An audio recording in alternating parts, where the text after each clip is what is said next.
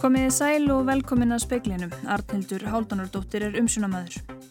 Landsréttur dæmdi í dag Íslenska ríkið til að greiða Kristjáni Viðari Júliusinni 350 miljónir króna í miskabætur vegna Guðmundar og Gerfinnsmálsins. Það eru hæstu bætur sem dæmdar hafa verið í máli sem þessu. Dönsk stjórnvöld ætlað herða mjög sóttvarnareglur vegna útbreyðslu omikron afbreyðis kórnuverunar þar og í nágrannulöndunum. Mikil örtröð hefur verið við Suðurlandsbraut í Reykjavík í dag þar sem 9.000 fóru í hraðpróf, lögregla aðstóðaði við að greiður umferð. Nokkur influensu tilfelli hafa verið staðfest þótt flensan sé ekki komin á flug. Humarstofnin er í sögulegu lágmarki og Hafrannsóknarstofnun vil banna veiðar næstu tvö árin. Bankarhunið er laungu liðin atburður en bergmólar þó enn og eitt stærsti akkilesarhæll finna í loslasmálum virðist alltaf hverfa nánast af sjálfu sér. Landsréttur dæmdi Íslenska ríkið til að greiða Kristjáni Viðari Júliusinni 350 miljónir króna í miskabætur vegna Guðmundar og Gerfinnsmálsins. Það eru hæstu bætur sem dæmdar hafa verið í máli sem þessu. Bætur til Guðjóns Skarpíðinssonar voru einni hækkaðar en bótakröfu dánarbús Tryggva Rúnars Leifssonar var vísað frá dómi. Þremenningarnir voru ásand Sævaris í Selski og Alberti klan skafta sinni síknæri málunni sögulundómi hæstaréttar fyrir þremur árum eftir að við seti lengi í fangelsi. Guðjónu voru dæmdar 260 miljónir króna í bætur en frá þeirri upphæði dragast 145 miljónir sem er fekk greitar samkvæmt lögum sem samþýtt voru á alþingi um greiðslu bóta til sagborninga í málinu og maka þeirra og barna þeirra.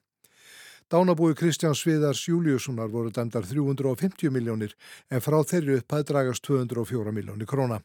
Kröfu dánarbús Tryggvar Rúnars Leifssonar var hins var hafnað og ríki síknað af skadabóta kröfu þess. Eitt dómar við landsrétt skilaði séráliti í máliði Tryggva Rúnas. Arnar Þór Stefánsson, lögmaður Kristján Sviðars, fagnaði niðurstöðu landsréttar í dag. Já, ég held að réttaríkið Ísland hafi staðist prófið hér og dæmt viðegandi bætur fyrir þann mikla órétt sem að Kristján Viðar þurfti að lifa við alla tíð vegna þessa máls og við erum, ég er sáttur í niðurstöðuna. Arnar Þór segist ofta við gengin í dómsal á þess að búastu miklu en í dag hafi niður staðan komið honum ánægilega og óvart. Dómurinn í dag er sögulegur. Þetta er sögulegur dómur. Þetta eru hæstu miskabætur sem eru dæmdar, hafa verið dæmdar í svona máli í Íslandsögunni og enda málið einstakt og þetta verður líklega aldrei toppað. Aðspurur hvort hann búist við að ríki reyna áfriða til hæstaréttar taldi Arnar Þór það mjög óskinsamlegt. Þessi niður stað veri fín endapunktur á málinu og ekki veri ástafa til að draga málið lengur. Haugur Holmsæði frá og rætt var við Arnar Þór Stefánsson. Umferðarslis varð á þjóðveginum undir Hafnarfjalli um klukkan fjögur síðdeis. Þyrla landhelgiskeslunar var kölluð á vettvang og flutti hún einn á bráðamótöku landsbítala til aðlendingar. Vegurinn hefur nú verið lokaður í um tvær klukkustundir og hefur vegagerðin opnað hjáleið um geldingadraga. Danir ætlað herða mjög sótvarnareglur vegna útbreyðslu ómikrón afbreyðis kórnverðinar þar og í nágrannalöndunum. Fymta daginn í rauð greindist þar met fjöldi kórnverusmita, nú rúmlega 11.000. Veitingastadir og krár megi ekki hafa opið lengur en til klukkan 11 á kvöldin og hætt, ver, hætt verður að veita vín klukkan 10. Tillögurnar verða lagðar fyrir danska þjóðþingi til staðfestingar og Fredriksen, fórsætsræðara, hvati þingmenn á fréttamannafundinum til að samþykja þær innróma og sína þannig í verki stuðning við baróttuna við farsóttina. Vi skal igen se færre mennesker. Vi skal holde mere afstand. Øhm, og vi skal igen undvære nogle af de begivenheder, hvor mange mennesker er samlet. Saði Mette Fredriksen. Fjórir þingmenn úr tveimur stjórnarandstöðuflokkum hafa grenst með COVID-19. Smitt voru staðfest nú síðdegis en fjöldi þingmanna hefur farið í sínatöku vegna þessa. Það hefur verið mikið að gera í þinginu síðustu daga, margir nefndarfundir og því er búist við að fleiri smitt eigi eftir að greinast. Þingið stemta því að klára fjöldamála fyrir áramót og smittin gætu haft áhrif á það. Búist er við að það þurfi að kalla inn varamenn en ef hópsmitið er mjög viðtækt gæti þurft að senka afgreðslu ímissa mála. Mikil örtröð hefur verið við Suðurlandsbröyti Reykjavík í dag með fjöldi fyrir hraðpróf hátt í 9.000. Laungröð hefur verið þar fyrir utan í allan dag og lögregla aðstóða við að greiður umferð sem hefur verið mjög þjætt. Anna Lilja Þóristóttir talaði við Mörtumarju Arnarstóttur verkefnastjóra hjá heilsugjæslu höfuborgarsæðisins nú síðdeis. Hvað eigði vona á mörgum í hraðpróf í dag? Það er um 8500 manns búin að skrá sig hjá okkur í dag, þannig að það er vona á talsverðum fjölda. Hafa þeir eitthvað tíma verið fleiri? Nei, aldrei verið ja, margir á í dag. Og hvernig ég gengur þetta fyrir sig þegar svona margir koma? Er það með fleira starfsfólk, eitthvað sérstaklega viðbúna? Já, við byggumst við miklum fjölda í dag, bæði hérna er förstu dagur og svo er hérna stutt í jólinn, þannig að það er mikið um viðburði og, og eins útskriftir hjá framhaldsskólum. Þannig að við sem betur fyrir undirbúið mjög vel fyrir dæn í dag en samt sem aður þá er náttúrulega bara er mjög mikið að gera hjá okkur. Það er heilmikil umferð hérna fyrir utan með hálgjört öngþveiti. Fáðu ykkur aðstóð við það? Já, lauruglanum mitt er að aðstóð okkur aðeins að, hérna, að stýra umferðinni. Þannig að við erum mjög þakklátt fyrir það.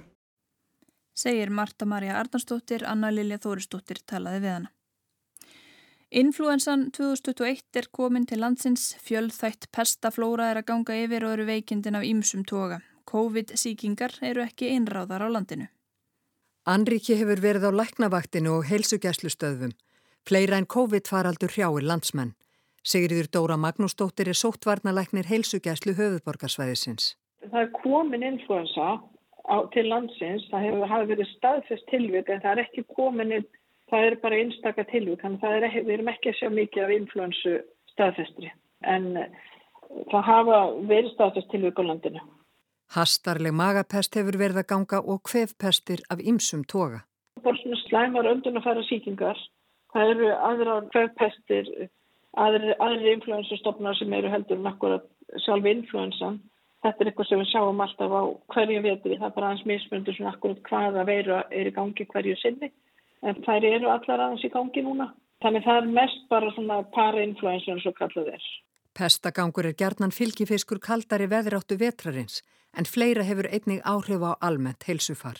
En svo streyta líka að vera meira á ferðinni og, og kannski meiri náði við aðra í aðranda jólana og það er líka kjöraðstöður fyrir smitandi pestis.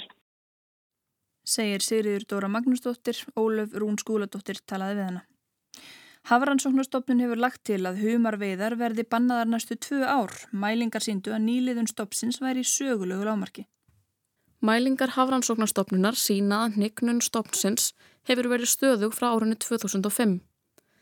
Þá er ekki talið að ofveiði eigi þátt í fækkun dýrana heldur sé ástæðan fyrst og fremst svo að nýliðun sé nánast engin. Ástæða þess er óþægt og segir Guðmundur Þórðarsson, sviðstjóri hjá Háransóknarstofnun, þau óttast að dagar íslenska humarsins séu taldir. Já, það er alveg svolítið ráðgáta en því miður sérst þetta í fleiri stofnum eins og gullkarfa á blálengu og slíkum stofnum. Þannig að það er eitthvað í gangi hafinu sem við bara ekki skiljum. Að fyrsta lagi þarf að koma góð nýliðun til þess að stofnum taki við sér og ef hún kemur fram þá munir þetta samt sem að taka svona 5-10 ár að ná sér upp aftur þannig að humarinn er nú okkur hverfa svolítið af markaðnum á næsta árum en hérna nýslenski humarinn er bæði hérna stærri og, og bræð betri heldur en sá erlendi þannig að, þetta verður ekki, ekki, ekki gott fyrir humarselkjara á næstunni. Saði Guðmundur Þórðarsson, Ólöfrún Erlendsdóttir tók saman.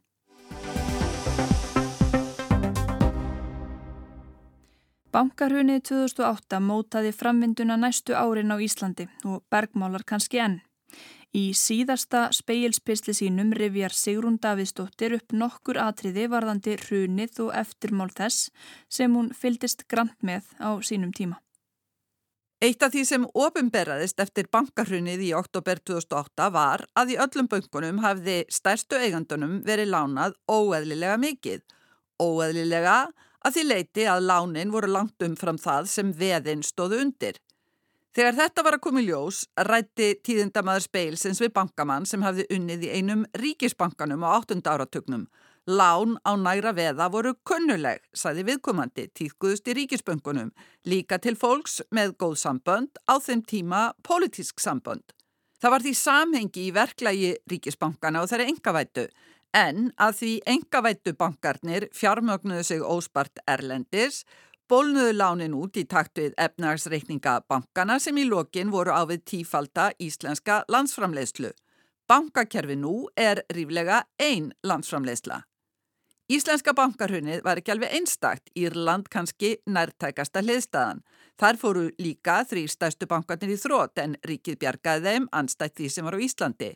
Á tíund áratögnum var uppgangurinn á Írlandi svo mikill að það var talað um keltneska tíkristýrið, hliðstætt hávakstarlöndum Asíu. Vöxturinn var þjóðarstolt Íra sem í aldir og áratugi hefðu þurft að flytja úr landi í leita vinnu. Keltneska tíkristýrið dó í Írska bankarhununu 2008 sem var því tvöfaldur skellur efnhagsáfall og þetta draumurinn um endalog brottflutnings dó. Ítaleg skísla rannsóknanemdar alþingis í áttabindum um fallbankana er einstök í alþjóðlegu samhengi og já, lesin frá upphafi til enda á fjölum borgarleikusins þegar hún kom út 2010. Sem nútíma Íslandingasaga varð hún innblástur að leikriti Þorvalds Arnar Arnarssonar og Mikaels Torvarssonar 2017 eins og Þorvaldur Örn lísti í Silri Egils.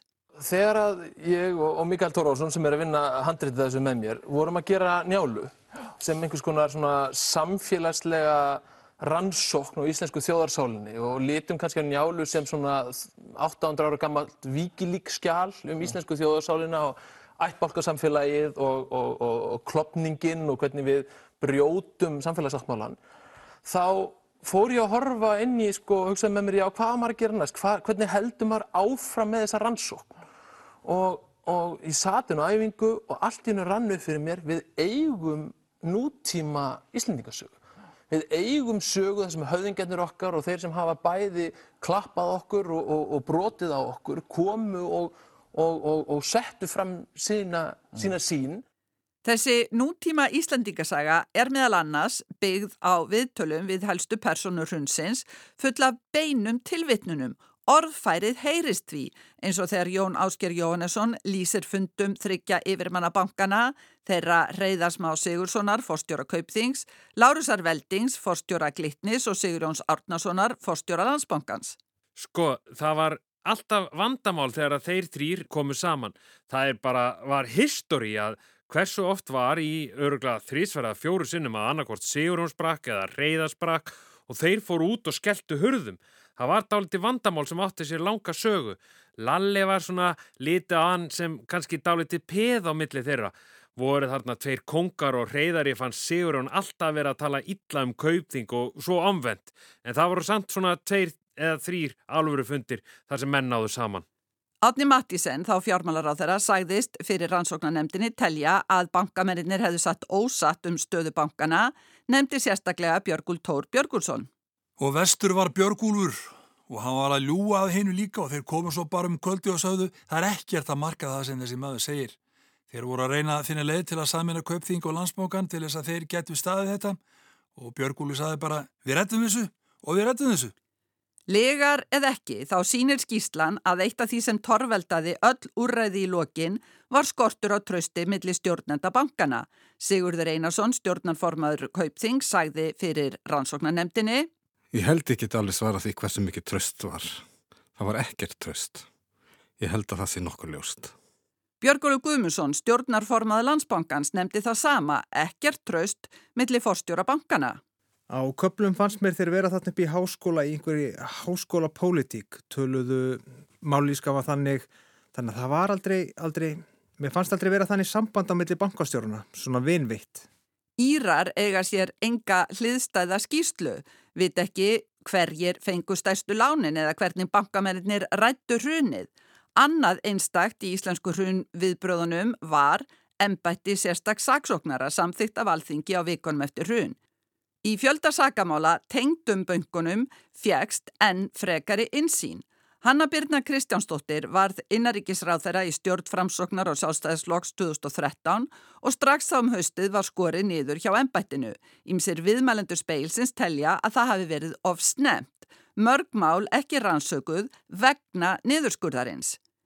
Í februar síðaslinum var rætt á alþingi um ábendingar í rannsóknarskíslum um fallbankana varðandi stjórnkerfið.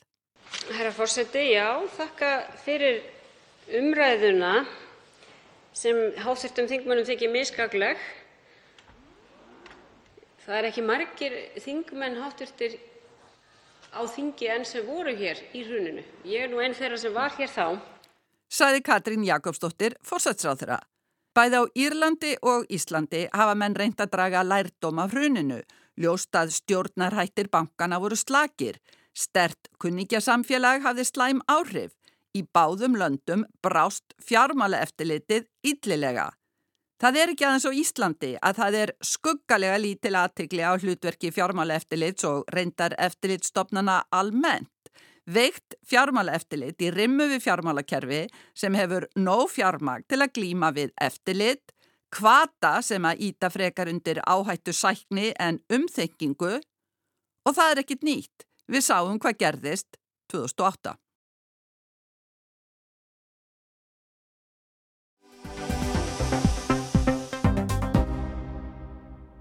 Finnland ætlar að verða kólefnis hlutlust árið 2035, fyrst Norrænu ríkjana og fimm árum á undan Íslandi. Mart er óunnið en einn stærsti akkilesarhæll finna í loslasmálum virðist nánast ætla hverfa af sjálfu sér. Árið 2035 má losun Finnlands ekki vera meiri en skóar og land geta bundið. Finnska ríkisútverfið Íle varpaði nýlega ljósi á hversu stórt verkar fyrir höndum. Yðnaður, orkuframleiðsla, samgöngur og landnótkun losuðu árið 2019 53 miljónir tonna af gróðurúsaloftegundum.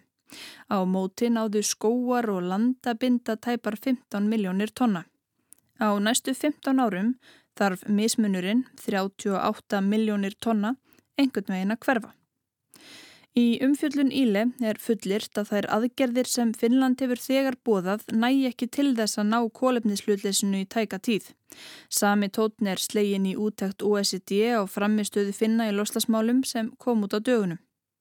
Túli Hétanjemi, sérfræðingur í sjálfbærum lausnum hjá finska nýsköpunarsjónum Sítra, er vongóðum að Finnland verði sannarlega kólefnislutlust innan 15 ára. Well, cross, but uh, it is possible. Stjórnvöld þurfi þó að yfirstíga ýmsar hindranir og einn þessara hindrana tegir sig djúft inn í sjálfsmynd finsku þjóðarinnar. Mómýrar þekja stór svæði á norðurslóðum. Í 80 ár hafa móbændur í Finnlandi rutt kjarri og gróðri úr vegi, plækt landið og grafið mógrafir í slíkar mýrar. Mórin eða brúna gullið er brendur í móorkuverum til að framleiða rafmagn og hýta. Eftir setni heimstyrjöld átti þessi yðnaður stóran þátt í því að leysa orkukreppu finna og árið 2019 var þessi orka nýtt til að hýta upp 15% finskra heimila. Heat production produces a large share of the emissions in Finland. Hétanjemi segir móin bera ábyrð á stórum hluta losunar í Finnlandi. Finnsk stjórnvöld hafa getið sér orð fyrir metnaði í loslasmálum en eru líka Evrópumeistarar í mógreftri hafa stuttan árum saman og niðurgreitan á fjárlögum í fyrra. Mór er eitt skítugasta eldsniti sem hugsast getur, meiri loftslags skadvaldur en kól og til að ná honum þarf að framræsa mómýratnar. 10% ræktaðslands í þúsund vatnalandinu eru notuð undir mógrafir en sá litli hluti er ábyrgur fyrir 60% losunar vegna landnótkunar í Finnlandi. Mómálinn hafa verið umdelt í breyðri ríkistjórn Sönnu Marínar. Hannu Hoskinen, þingmaður finska miðflokksins, varði yðnaðinn í viðtali við BBC, Breska ríkisútvarpið, í árslók 2019. Of course we are producing certain amount of emissions. Those emissions are decreasing all the time. I think it's not a problem. Problem is somewhere else. But, that, but, but everyone says the problem is somewhere else. Yes, that's the problem. we have and, solved and that's, and that's a, a recipe for inaction. You are quite right. But we are the cleanest country in whole Europe at the moment. Umhverfis áhrif að vinslunni færu minkandi og önnur vandamál væru mun brýtni. We cannot stop heating our houses. It's, it's impossible. Til að minka losun frá landi og auka bindingu horfa finnar til aukinnar skóraktar og þess að endur heimta framræstar mómýrar. Áhrif móiðnaðarins á lífrikið hafa líka verið í umræðinni. Árið 2010 flaut allur fiskur í Júkajóki áni dauður á yðborðinu. Sökudólgurinn mengun frá móorku veri í grendinni. Ríkistjónin náði samstöðu um að minka móvinslu um helming fyrir árið 2030 en öllum að óvörum hefur það markmið nú þegar náðst. Yðnaðurinn á verulega undir högg að sækja og ungur bóndi segir að stjórnvöld hafi enga stjórn á þróuninni lengur. Government did want to stop use of fuel beat very fast but now this change is uh, happening too fast and it's not in control any, anymore.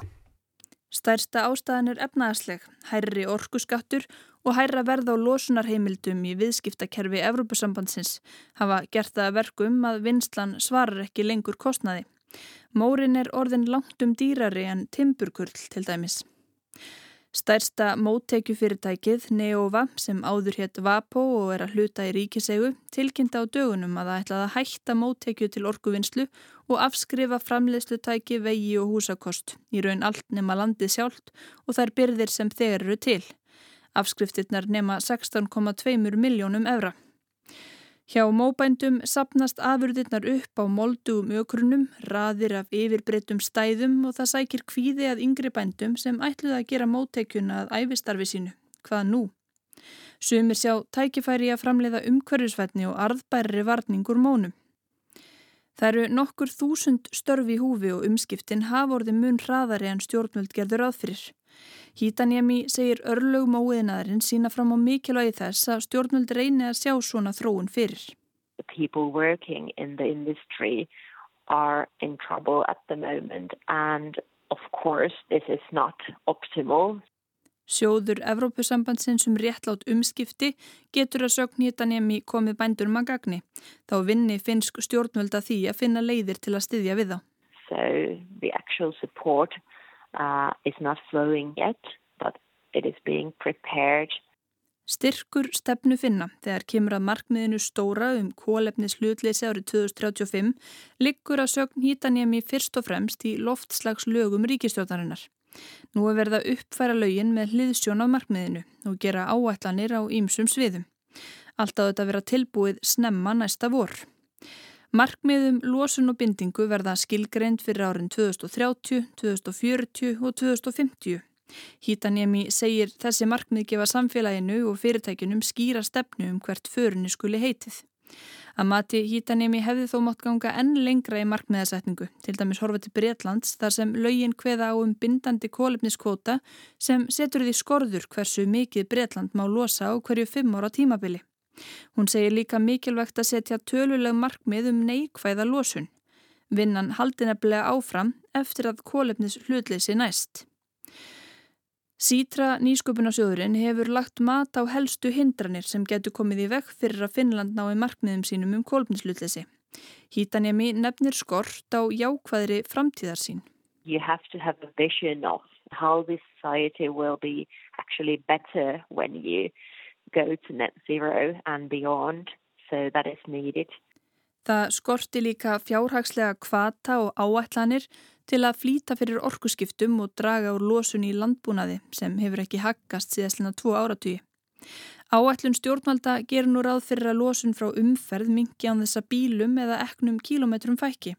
Sítra hefur gaggrínt það í staðin lagt til todla, fjárfestingu í almenningssamgöngum og fækkun bílastæða. OECD klórar líka í engabílamenningu finna í framistuðuskíslunni. Fjárfestingaþörfin er rópandi að sögn hýtanjami en það þarf að stór auka ramasframleðslu. Tilstendur að ræsa nýtt 1600 megavatta kjarnorkuver á næstu ári, það þriðja á eiginni Olkilu Ótó í Helsingjabotni. Hýtanjami segir líka mikla möguleika í að byggja upp vindorkuver og það kalli á stór framkvæmdir. Also like planning the whole system it takes time and it's not always as smooth as it could be. Þetta krefist mikillar skipulagsvinnu og hún geti verið tímafreg.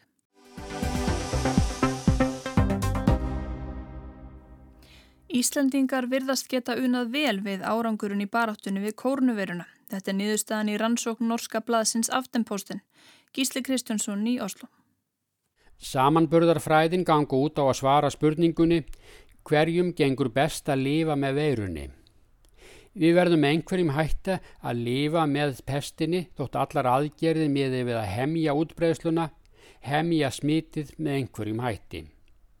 Slá á smitið en nú er við kjent að það verður ekki hægt að útrýma veirunni hjá einstökum þjóðum með einangrun og lokunum. Veiran er á stjáu um allt og aðeins spurning um hver mikil skadin er fyrir heilsufólks og fyrir efnahægin. Núna var hér í aftenposten morgunblaði Óslúarbúa og landsmanna almennt samanburður á hvernig norrænu þjóðunum hefði gengið í baráttunni. Allar búa við smita einhverju marki en hafa beitt ólíkum aðferðum í baráttunni og standa ekki í sömu spórum núna.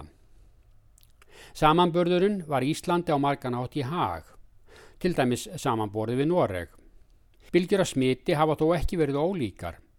Oftast náð hærri hæðum á Íslandi, sérstaklega fyrsta bylgjan þegar smitið barst til þessara landa í kjölfara vetrarfría í Austuríki og á Ítaljum. En setni bylgjur þýkja líka áþekkar. Þó kom bylgjan setni hluta þessa ás fyrr á Íslandi. Dreigið var fyrr úr öllum takmörkunum á Íslandi og þá kom strax í ljós að bólusetningar veittu ekki svo mikla vörn gegn smiti sem vonast var eftir þótt bóluefni vergi gegn alvarlegustu veikindum. Hér í Norri slóu stjórnvöld pestin af, eða það taldi almenningur í september og pestarlokum var fagnað með söng og samkomum eins og ekkert væri smitið. En síðan hefur það reynst bjart síni úr hófi og nú eru lokanir viðtækar hér í landi. Allur veitningarestur er raun í dvala núna þegar annars er mest að gera fyrir jólinn. Búið er að lýsa yfir rauðu ástandi í skólunum. Enn á nýverða nefendur að treysta á tölvutækni í staðin fyrir krítartöflur og félagskap í skólunum. Flestum menningarviðburðum hefur verið frestað eða fjöldatakmarkanir teknar upp á hverju síningu. Þessar lokanir eru viðtækari en er á Íslandi þótt síðasta bylgja hafi verið álíka ógnvænlegi báðum löndum.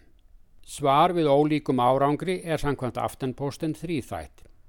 Í fyrsta lagi hefur Íslandi verið gripið strax til all hardra aðgerða. Þess vegna hefur tekist betur að hemja útbreysluna. Í Noregi heldum enn í lengstu lög í voninu um allt gengi nú vel og búa mætti við smitið án annara ráð en að byggja fólk að fara varlega. Svo kom í ljós að allt stemd í óefni og þá var nú fyrir í desember ráðist í viðtækar lokanir. Gaggrínin á ríkistjórn Jónasakar störi snýst um að hann hafi hikað of lengi og reyndi að halda öllu opnu of lengi. Smittvarnar sérfræðinga segja því að aðgerði skili þeimun meiri árangri sem þeim er beitt fyrr. Reynslan frá Íslandi síni árangurinn af að koma strax á samkomutakmörkunum og viðtækum skimunum við landamæri. Allt hík þýði að beita verði enn harðari lókunum þegar það loksins komast á. Niðurstaðan sé því að síðasta bylgja líti út fyrir að vera í rénun á Íslandi en í örum vexti í Noregi og svo er einni í Danmörku. Danir hafa farið svipaða leið og norðmenn og óttast nú allt sé að fara úr böndunum. Hér í Noregi er nú farið að tala um að beita meiri lokunum því heilbyrðiskerfið megi ekki við meira álægi. Jafnframt er á það bent að Íslendinga njóti þess að landamæra eftirlitsi auðveldara en bæði í Noregi og Danmörku. Svíjar hafa sloppið betur við smittbylgjunni haust eftir að farið ver út úr fyrstu bylgjum. Nú býða þeir normenn lengstra orða að koma ekki með smiti við landamærin um jólinn. Í aftenposten er líka bent á afköst við skimun séu mun meiri á Íslandi en í Noregi. Hér er oft notast við sjálfspróf en þau séu ekki alltaf áræðanleg.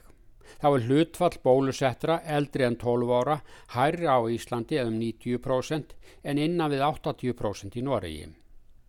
Þannig hafi hraðari en mildari viðbröð meiri skimun og fleiri bólusettir valdi því að smittbylgjurnar falli fyrr á Íslandi en í Noregi.